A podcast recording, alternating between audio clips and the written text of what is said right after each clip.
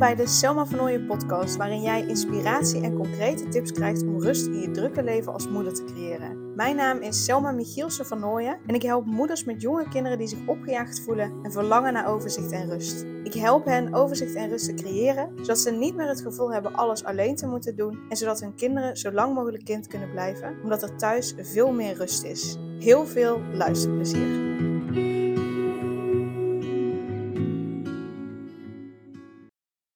Het moederschap. Oh my god. Het moederschap is echt het meest fantastische en tegelijkertijd het meest overweldigende wat me ooit is overkomen. Echt serieus. Ehm, ik wil dit met je delen uh, omdat ik hoop dat je uh, ja, hier ja, herkenning uithaalt. Ehm, en dat je merkt dat het heel normaal is. En dat, het niet, dat je zeker niet de enige bent.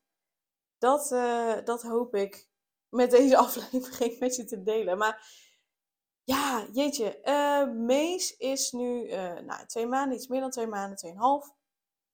En ehm, ik, zeker nu, ik geniet volop van hem. We zitten gewoon, hè, het is, het is redelijk normaal geworden. Uh, we zitten in een bepaalde, uh, ja, toch ook wel een bepaalde routine. Met zijn slapen zitten we nog wel een beetje te zoeken van hoe kunnen we hem helpen om uh, goed zelf in slaap te komen. Maar goed, Anne, met wie ik elke maand een podcast opneem, is slaapcoach. En die vertelde ook van ja, pas vanaf de vier maanden kun je echt gaan slapen trainen.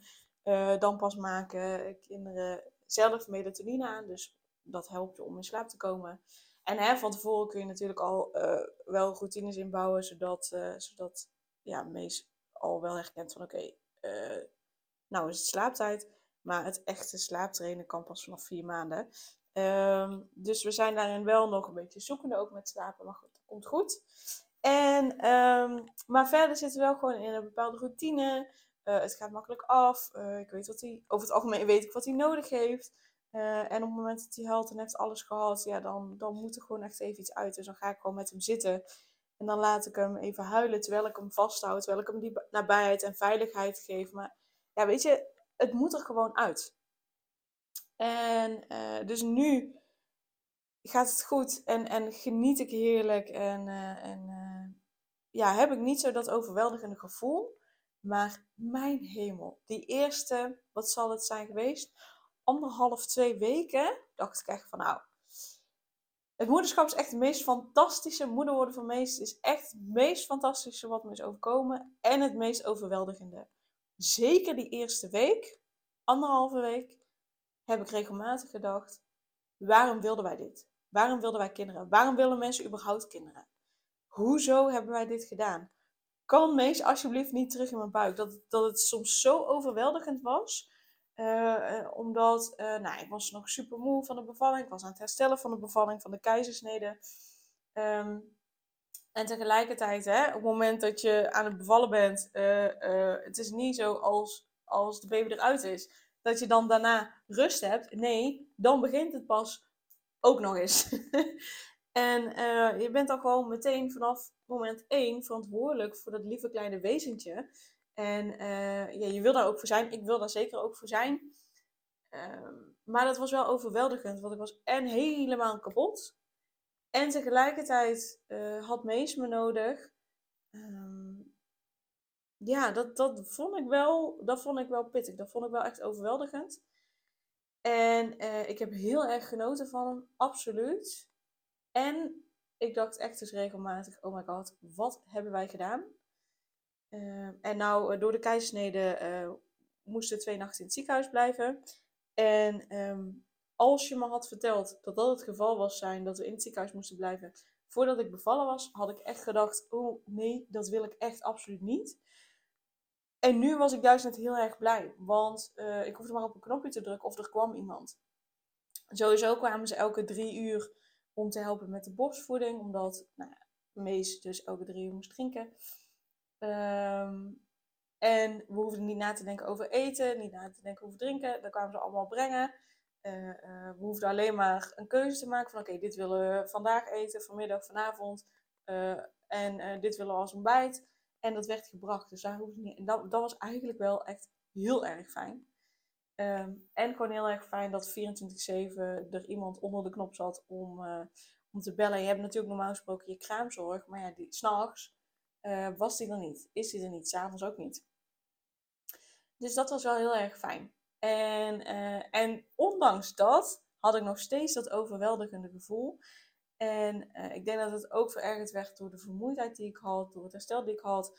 de eerste zoveel uur blijf, bleef de, de ruggenprik aanstaan, zeg maar. Dus waren mijn benen nog verdoofd, dus ik kon echt alleen maar in bed liggen. Ehm, dus ik denk dat dat er ook zeker aan heeft bijgedragen, maar gewoon überhaupt. En toen we thuis waren, telkens als de kraamzorg naar huis ging, moest ik echt huilen. Dat ik echt dacht, nee, en dan moeten we s'avonds en s'nachts het alleen doen. En hoe kunnen we dat nou doen? En op het moment dat we dan de eerste voeding daarin ik met z'n tweeën hadden gedaan, ebte dat weg. Want dan wist ik, oké, nee, we hebben dit onder controle. We kunnen dit, het komt helemaal goed. Maar dan moest ik echt wel weer die eerste voeding even meemaken. Dat ik wist van oké, nee, dit komt goed, dit kunnen wij. Maar telkens als de kraamzorg wegging, dacht ik, nee, help. En uh, op een gegeven moment had uh, Mees krampen en heb ik echt zo erg zitten huilen. Omdat ik het zo zielig vond, omdat ik zo merkte en hoorde aan zijn houtje dat hij zo'n pijn had. Dat was echt zo super zielig.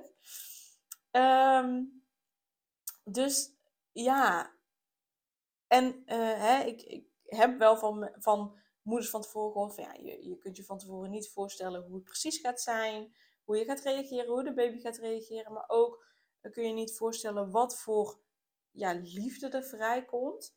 En ik weet dat niet iedereen dat, dat gevoel heeft. Ik had dat gelukkig wel. Uh, maar het is zo'n ander soort liefde dan, dan dat je tot nu toe hebt ervaren in je leven. En dat, dat klopt ook. Dus dat is me wel allemaal van tevoren verteld. Maar er is niemand die mij van tevoren heeft verteld dat je ook denkt: stop hem alsjeblieft terug. Uh, wat hebben wij gedaan? Dat stukje heb ik tot nu toe niet echt van iemand gehoord. Dus uh, ik schrok daar wel een beetje van. Dat ik echt dacht: jee, betekent dit dat ik nou een postnatale depressie heb? Uh, betekent dit nou dat ik geen liefde voel voor mijn zoon? Betekent dit nou, weet je, dat ik me daar echt wel een beetje zorgen over ging maken? En waarschijnlijk ook onder invloed van die hormonen. Uh, maar ik heb me daar echt wel een beetje zorgen over gemaakt dat ik dacht: oh shit, uh, is het wel goed? Klopt het wel? Komt het wel goed? En het is gewoon goed gekomen en het, en het kwam in die al, eerste anderhalf week ook goed. Maar doordat ik zoiets had van: huh? Klopt dit wel? Hebben andere mensen dit ook? Uh, ik heb niemand over dit stukje gehoord. Ehm, wil ik dit graag met je delen? Dat het dus helemaal oké is en helemaal normaal is. Dat het niet hoeft te betekenen dat je een postnatrale depressie hebt of dat dat uh, betekent dat je uh, niet van je kind houdt. Nee, helemaal niet. Het is heel normaal, tenminste. Ik denk dat het normaal is. Ik heb het in ieder geval ervaren. En uh, ik weet ook dat ik geen postnatale depressie heb of wat dan ook. En ik weet ook dat ik zielsveel van Mees hou. Um, dus ik wil met je delen dat het heel normaal is. Ik wil ook met je delen, en dat heb ik in de vorige aflevering heb ik daar ook over gehad, uh, dat het heel normaal is dat je in het moederschap twee tegenstrijdige gevoelens kan hebben. Dus hè, wat ik ook in de vorige aflevering benoemde, dat het kan zijn dat je heel erg uitkijkt naar even tijd voor jezelf, echt even me-time, zodat je kunt ontspannen, zodat je kunt opladen en je tegelijkertijd schuldig kunt voelen dat je die me-time pakt en omdat je dan niet bij je kinderen bent bijvoorbeeld. Uh, maar dat juist net het zo belangrijk is dat je die me-time wel pakt. Dus dat die twee uh, ja, ogenschijnlijk tegenstrijdige gevoelens heel normaal zijn dat je die hebt. Um, net als dat Daan en ik voor het eerst met z'n tweeën gingen lunchen zonder Mees. Dat ik het heel erg fijn vond om dat te doen. Dat Daan het ook heel erg fijn vond. En tegelijkertijd dat er een, een stukje leegte was, dat er iets miste. En dat ik dus heb zitten huilen. Dat ik Mees ja, bij, bij mijn schoonouders achterliet. Dus andere, dat er iemand anders bij mij zou zijn dan Daan of ik. Um, dus, en dat heb ik dus ook in de eerste anderhalf week ervaren, dat er in het moederschap zulke tegenstrijdige gevoelens kunnen zijn. Um, um, en wat ik ook heb ervaren, dat, dat ik iemand wil pleasen doordat uh, diegene Mees uh, vast wil houden en vasthoudt. En op het moment dat Mees dan huilt, uh, dan kijk ik eerst even aan van hey, hoe gaat het, hoe reageert die persoon erop. maar zeker bij, bij opa's en oma's wil ik ook weer niet te snel mee pakken. Zeker omdat ze ook op hem gaan passen. Ehm, dat ik ze ook de gelegenheid wil geven dat ze daarmee om kunnen gaan. En tegelijkertijd, dus dat is de ene kant. En dat ik een stukje wil pleasen, omdat ik ze niet het gevoel wil geven dat ze het niet goed doen. Of omdat ik weet dat ze heel graag mees willen vasthouden. Um, dus dat ik ze daarin ook een stukje wil pleasen. En tegelijkertijd dat ik juist net merk van... Hé, hey, wacht, ik wil mezelf pakken. Ik wil mezelf troosten. Want ik denk dat hij dat nu op dit moment nodig heeft. Zeker omdat hij nog zo jong is. Pas een paar maanden oud is. Kent hij daarna mij gewoon het allerbeste. Uh, dus dat daarin ook een, uh, tegenstrijdigheid kan zijn in je gevoelens. Aan de ene kant dat je... Nou, in mijn geval dan dat ik uh, opa's en oma's wil pleasen. En daar heb ik vooral bij opa's en oma's en niet zozeer bij andere mensen die er wat verder vanaf staan, ook ja, ooms en tantes een beetje, maar ook weer minder erg dan opa's en oma's. Ik weet niet wat dat is. Maar dus dat, dat in mijn geval, hè, ik, ik graag wil pleasen. En tegelijkertijd zoiets heb van nee, ik wil Mees bij me houden. Ik wil zelf Mees troosten, want ik denk dat dat het beste is voor Mees.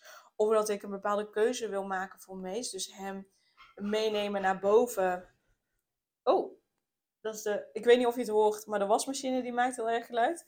Um, dus dat ik Mees al mee wil nemen naar boven om hem uh, rust te geven in de donkerte, huid op huid contact. Terwijl opa's en oma's nog beneden zitten. Dus dat ik weet dat ze dat jammer vinden. Dus dat daarin ook uh, uh, een tegenstrijdigheid zit van hè, ik wil graag inderdaad dat, dat ze Mees leren kennen, dat ze van Mees kunnen genieten. En tegelijkertijd wil ik doen wat ik denk dat het beste is voor Mees. Hem mee naar boven nemen en hem die rust en die tijd geven. Um, dus ik merk nu al heel erg die, die tegenstrijdigheden. En het is voor mij nu echt al een spiegel van hoe erg ik dus stiekem nog anderen wil pleasen.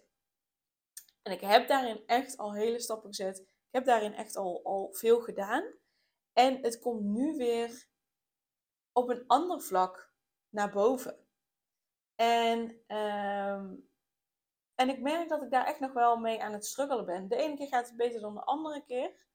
Ehm, en ik merk dat het makkelijker afgaat omdat ik kan zeggen: nee, ik vind dat dit het beste is voor Mees. Dus dat ik daarin dan iets makkelijker die keuze kan maken. En ook toch niet altijd. Ehm, dus dat dat ook een struggle is. Dus dat daarin ook weer twee verschillende gevoelens naar boven kunnen komen. En uh, ik vind het interessant, ik vind het een uitdaging, ik vind het niet altijd leuk. Um, en wat mij heel erg helpt, is daar met Daan over blijven praten.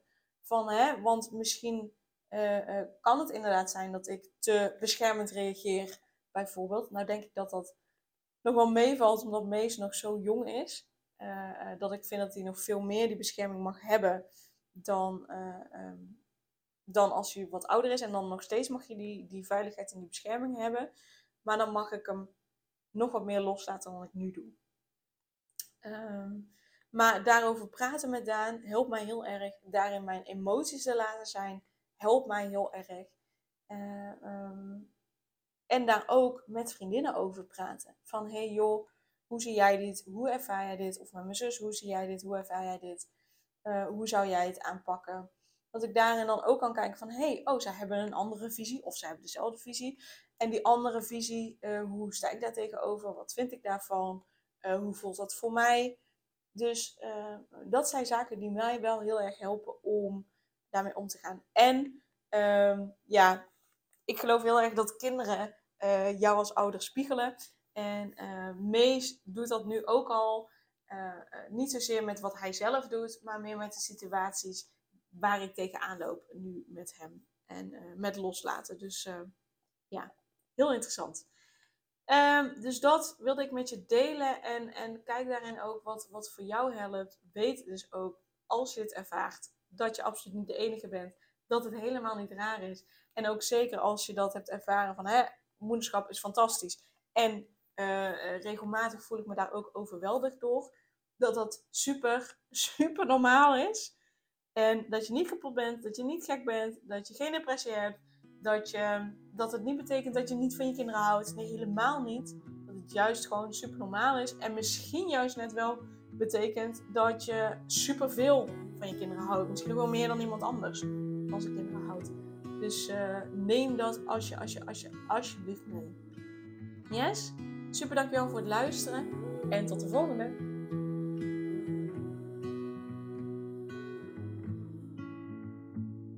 Superleuk dat je weer luisterde naar een aflevering van de Selma van Nooijen podcast. Dankjewel daarvoor. Ik deel in deze outro nog een aantal belangrijke punten. Als eerste is het mijn missie om ervoor te zorgen dat alle kinderen van Nederland zo lang mogelijk kind kunnen zijn. En dat begint bij hoe jij je voelt als moeder. Daarom maak ik deze podcast voor jou en voor je kind of voor je kinderen. Gun jij je kinderen ook een vrije en gelukkige jeugd, zodat ze zo lang mogelijk speels, vrij, onbevangen en onbezonnen kind kunnen zijn? Vraag dan nu mijn gratis e-book aan 8 tips voor moeders met jonge kinderen om meer rust in je leven te creëren. Ten tweede, wil je alle podcastafleveringen overzichtelijk onder elkaar en wil je als eerste op de hoogte gebracht worden als er een nieuwe podcastaflevering online staat? Abonneer je dan op de podcast door op de knop volgen, subscribe of abonneer te klikken en klik op het belletje. Ten derde, ondersteun je mijn missie en wil je ook helpen om alle kinderen van Nederland zo lang mogelijk kind te laten zijn? Laat dan een review achter in de podcast-app via waar je deze aflevering luistert. Hoe meer reviews, hoe beter de podcast vindbaar is en dus hoe meer moeders en kinderen ik kan helpen. En tot slot, ken je andere moeders voor wie deze podcast interessant zou zijn? Deel dan gerust een aflevering met hen of deel een screenshot van deze aflevering op je social media. Wil je mij een vraag stellen of contact met mij opnemen? Dan kan dat via info.selmavernooien.nl Nogmaals, super dankjewel voor het luisteren en tot de volgende keer.